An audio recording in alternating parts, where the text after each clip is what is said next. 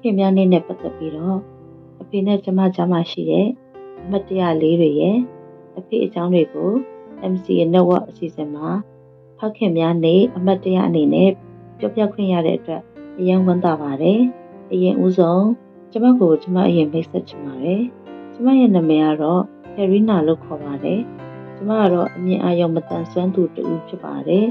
ယခုလက်ရှိမှာတော့ မြန်မာနိုင်ငံခရစ်ယာန်မျက်မြင်မြင်များမိဖာရလို့ခေါ်တဲ့အတူကအားဖြင့်ဆိုရင်တော့မခမမလို့ခေါ်တဲ့ခွဲချက်မျက်မြင်မြင်အကြောင်းမှာတောင်းဆရာမတူအနေနဲ့တာဝန်ထမ်းဆောင်နေပါတယ်။အဖေအကြောင်းပြောရမယ်ဆိုရင်တော့ကျမရဲ့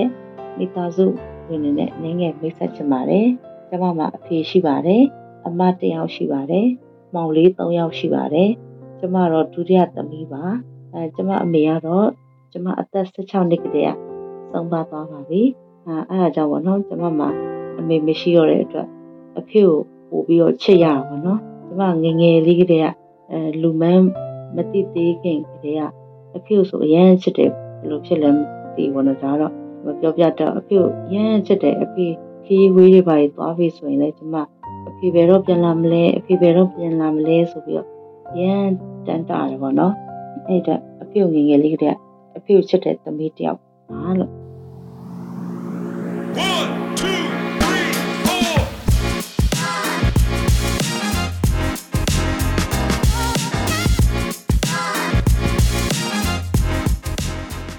မင်္ဂလာပါခင်ဗျာရီမမော့ပေါ့ပပရဲ့အပတ်စဉ်ဗုဒ္ဓဟူးနေ့တိုင်းမှာတင်ဆက်နေကြဖြစ်တဲ့တက်သစ္စာလူငယ်ကဏ္ဍကနေကြိုဆိုလိုက်ပါတယ်ဒီ podcast ကတော့မြမလူမှုနယ်ပယ်ကစိတ်အားတက်ကြွပွဲဇလန်းအစုံကိုအများသူငါကိုမတန်ဆွမ်းမှုအသိပညာမြင့်တင်ပေးဖို့အတွက်လွတ်လပ်တဲ့တွေးခေါ်ဆင်ခြင်နိုင်မှုတွေနဲ့အတူမျှဝေလိုချသူတွေရဲ့အတန်တွေကိုပြုစုပြောထောင်ဖို့တည်ထောင်ထားခြင်းဖြစ်ပါတယ်။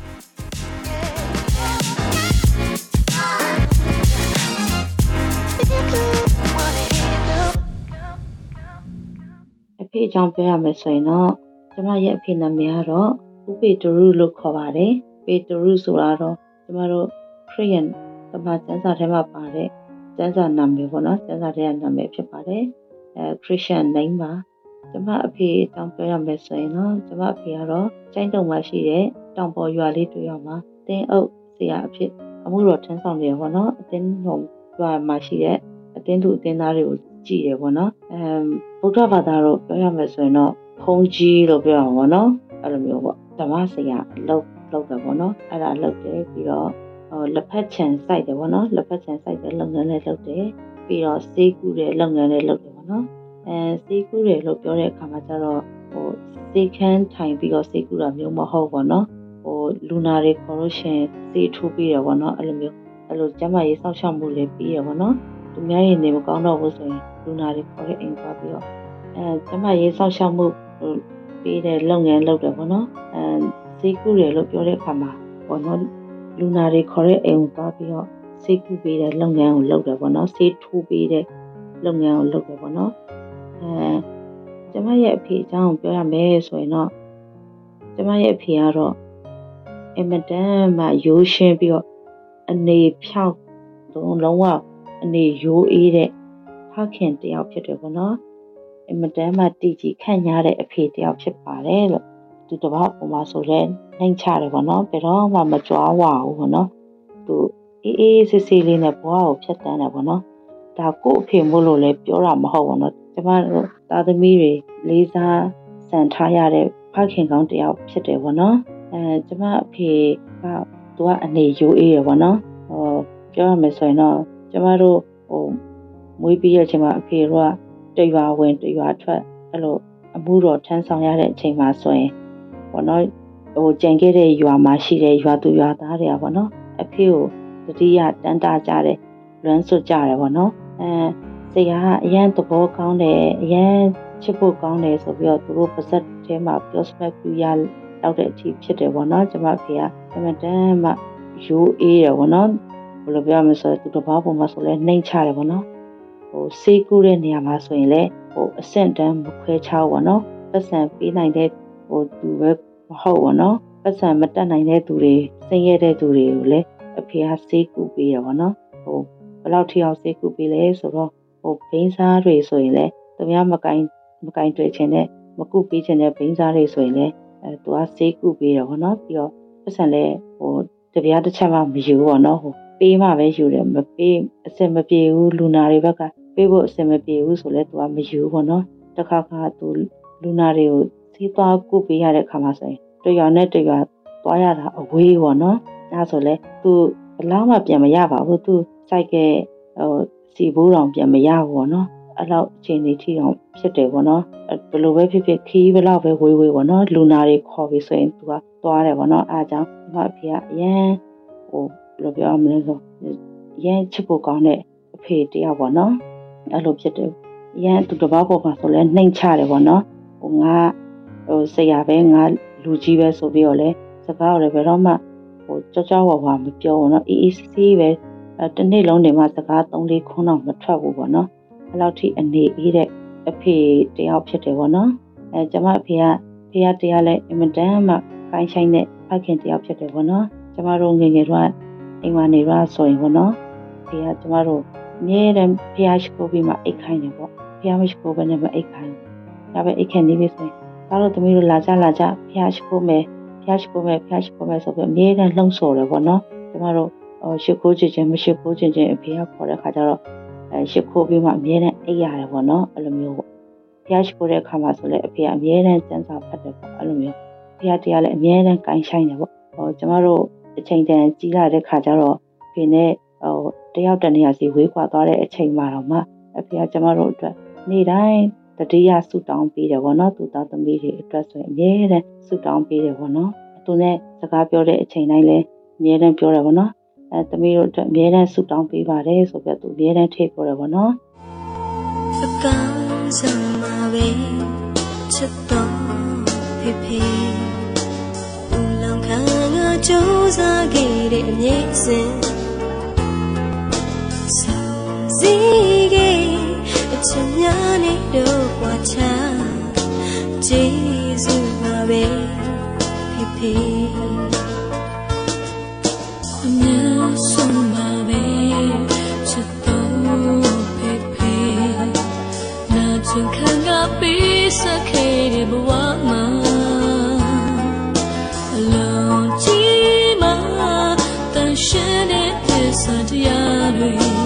ဆ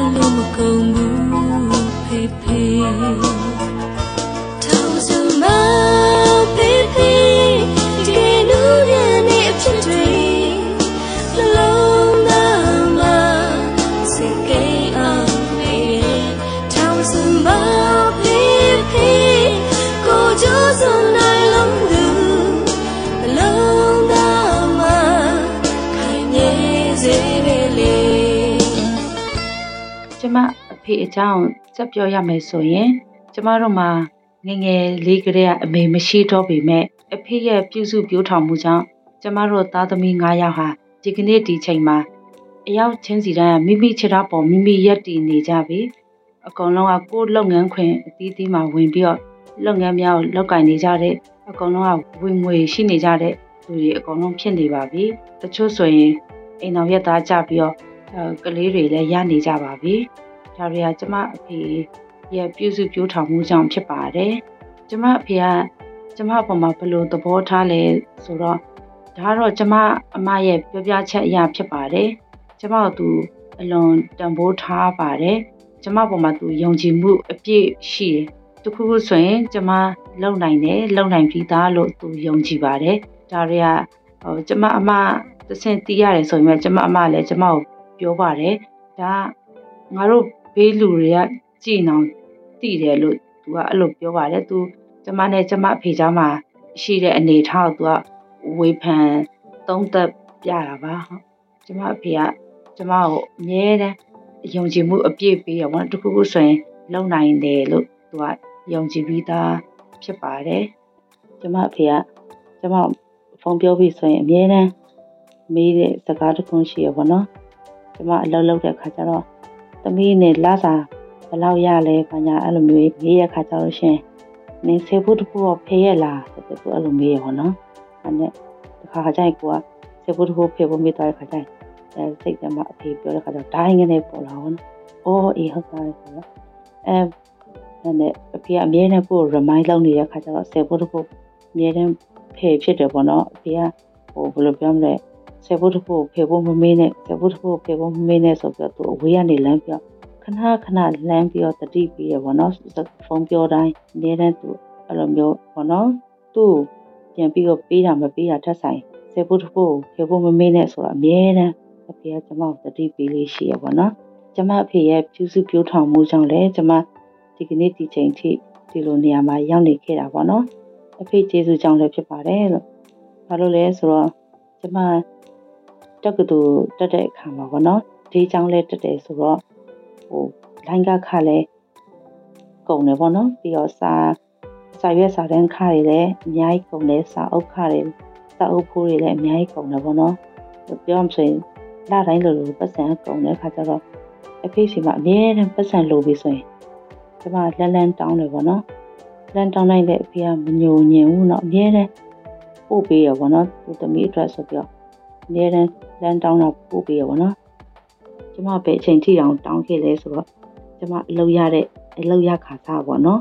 အဲ့ဒီတော့ဖေကိုပတ်စံတောင်းခဲ့ဘူးတယ်အဲ့ဒါလည်းအဖေကမညိုညင်ဘူးပေါ့နော်ဘာလို့မှလည်းပါတော့အဲ့လိုမျိုးလည်းမမေးခဲ့ဘူးပေါ့နော်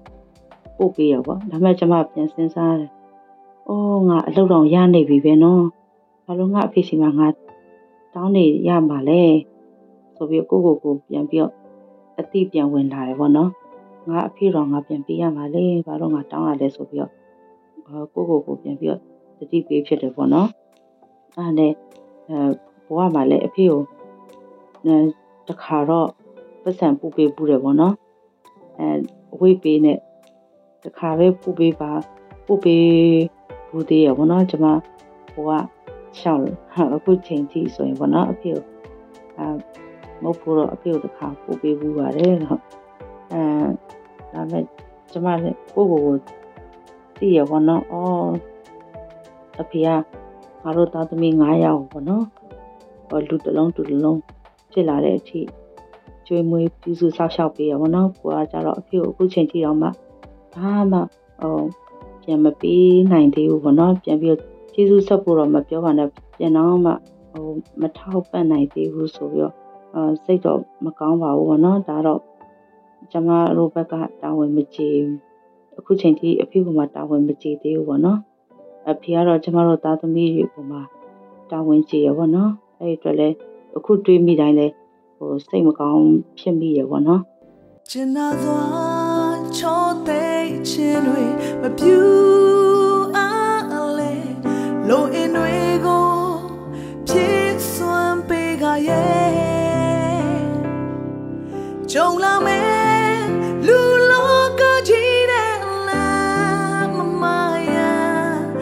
အဖေ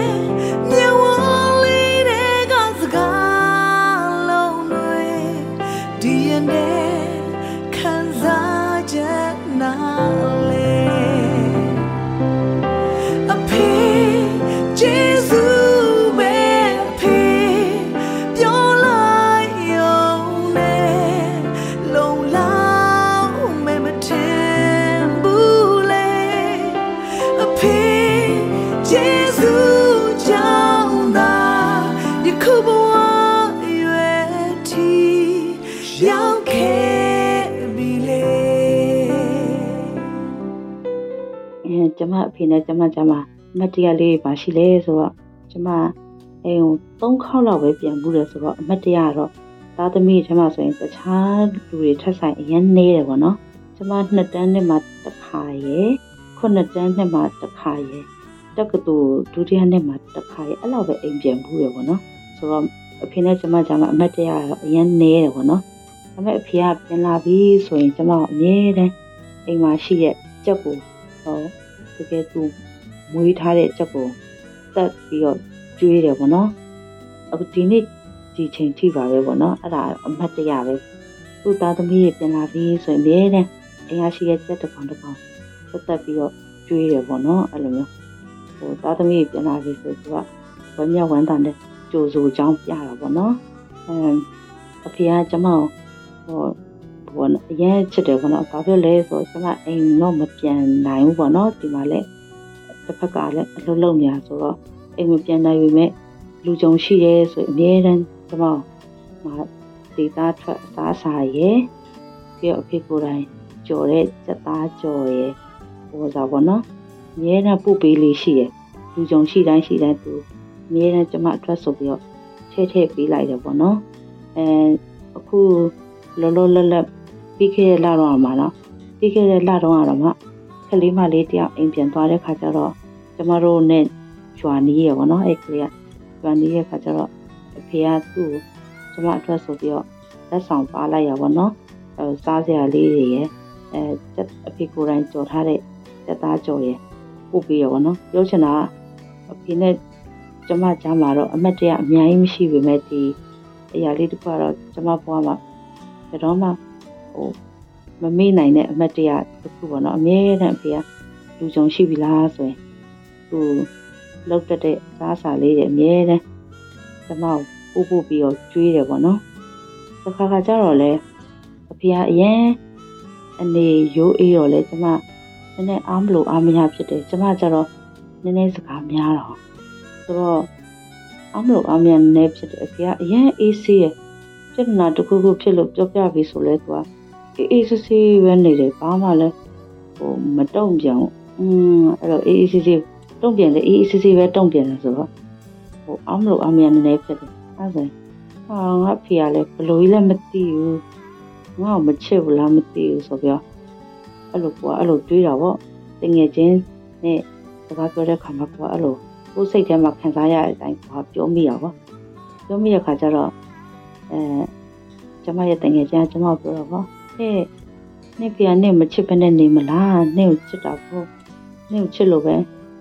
နေ့ကိုနေလိုတာဆိုအားလုံးဖြည့်ဆည်းပြီးရပဲလေနေ့နေ့ဘာလို့ခြင်းလဲနေပတ်စံလို့ခြင်းလဲနေမဟုတ်ဘူးလို့ခြင်းလဲနေလှမ်းတောင်းတာပဲနေနေလှမ်းတောင်းတဲ့အခါကျလို့ရှင်လဲနေဖေကနေပို့ပေးနေရပဲပေါ့နော်ပြီးတော့လူကြုံရှိတိုင်းလဲနေ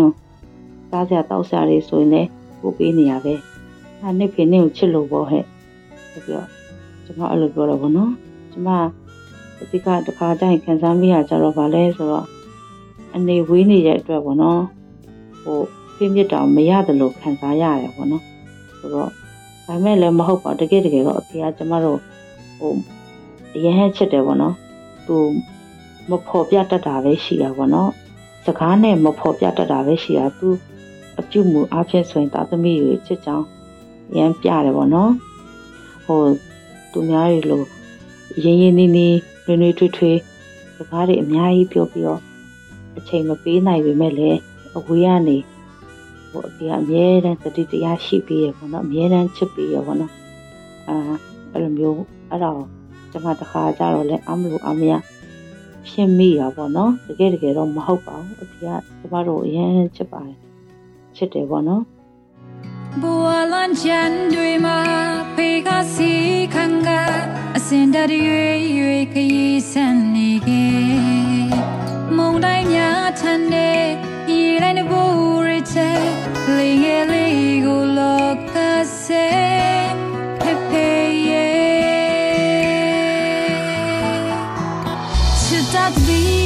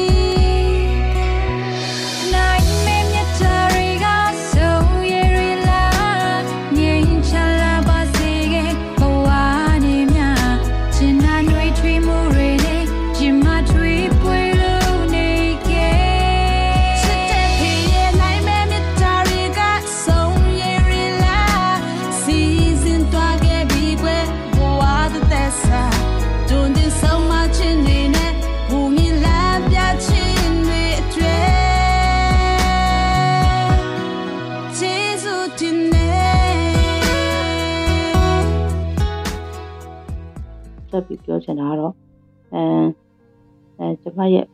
အဖေကပေါ့နော်ဟိုပြောရမယ်ဆိုရင်တော့ရန်ရိုးရှင်းပြီးတော့အေးဆေးတည်ငြိမ်တဲ့ဟိုဖခင်ကောင်းတယောက်ဖြစ်တယ်ပေါ့နော်အဲ့တော့မျိုးကျမတော့အဲ့ဒါကိုတစ်ခါခါကြရင်တော့နည်းနည်းအားမလို့အားမရဖြစ်ပြီးအောင်နော်အဲ့အပိုင်းလေးတွေတော့အဲရှိတာပေါ့ဒါပေမဲ့ तू ကပြဿနာတစ်ခုခုဖြစ်တော့မယ်ဆိုလဲအေးအေးဆေးဆေးဖြေရှင်းတယ်ပေါ့နော်ကျမတစ်ခါကြရင်ဟိုဟိုအလုပ်ထဲမှာ အစက်မပြေတာလေးတွေရှိတယ်ဆိုရင်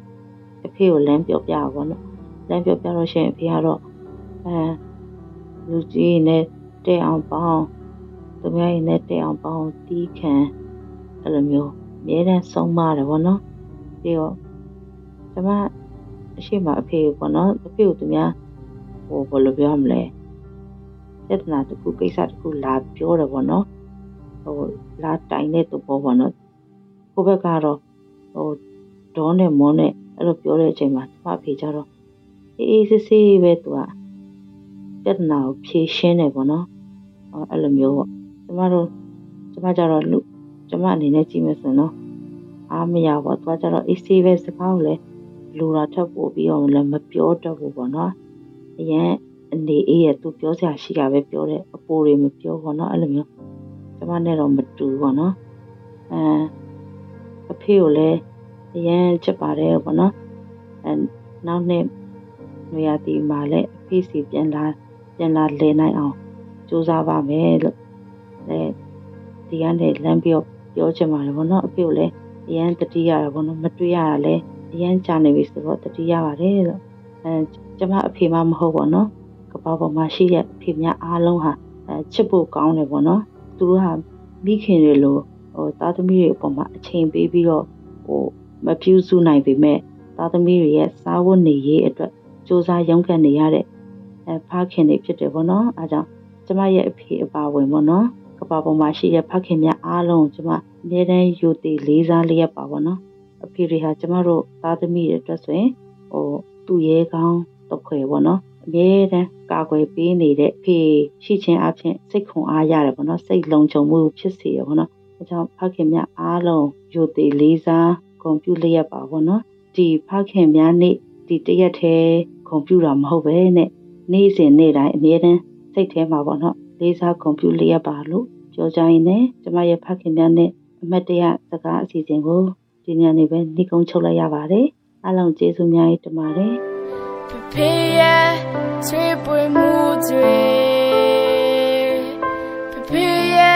Prepare triple mood Prepare so much God Prepare can you sign mood နေရတွေ့တိုင်းမြင်အောင်မိတယ် Prepare ချစ်ချင်းတရားတွေကျင်နာချင်းတွေပြန်လို့ချင်းတဲ့ဖေဖေနဲ့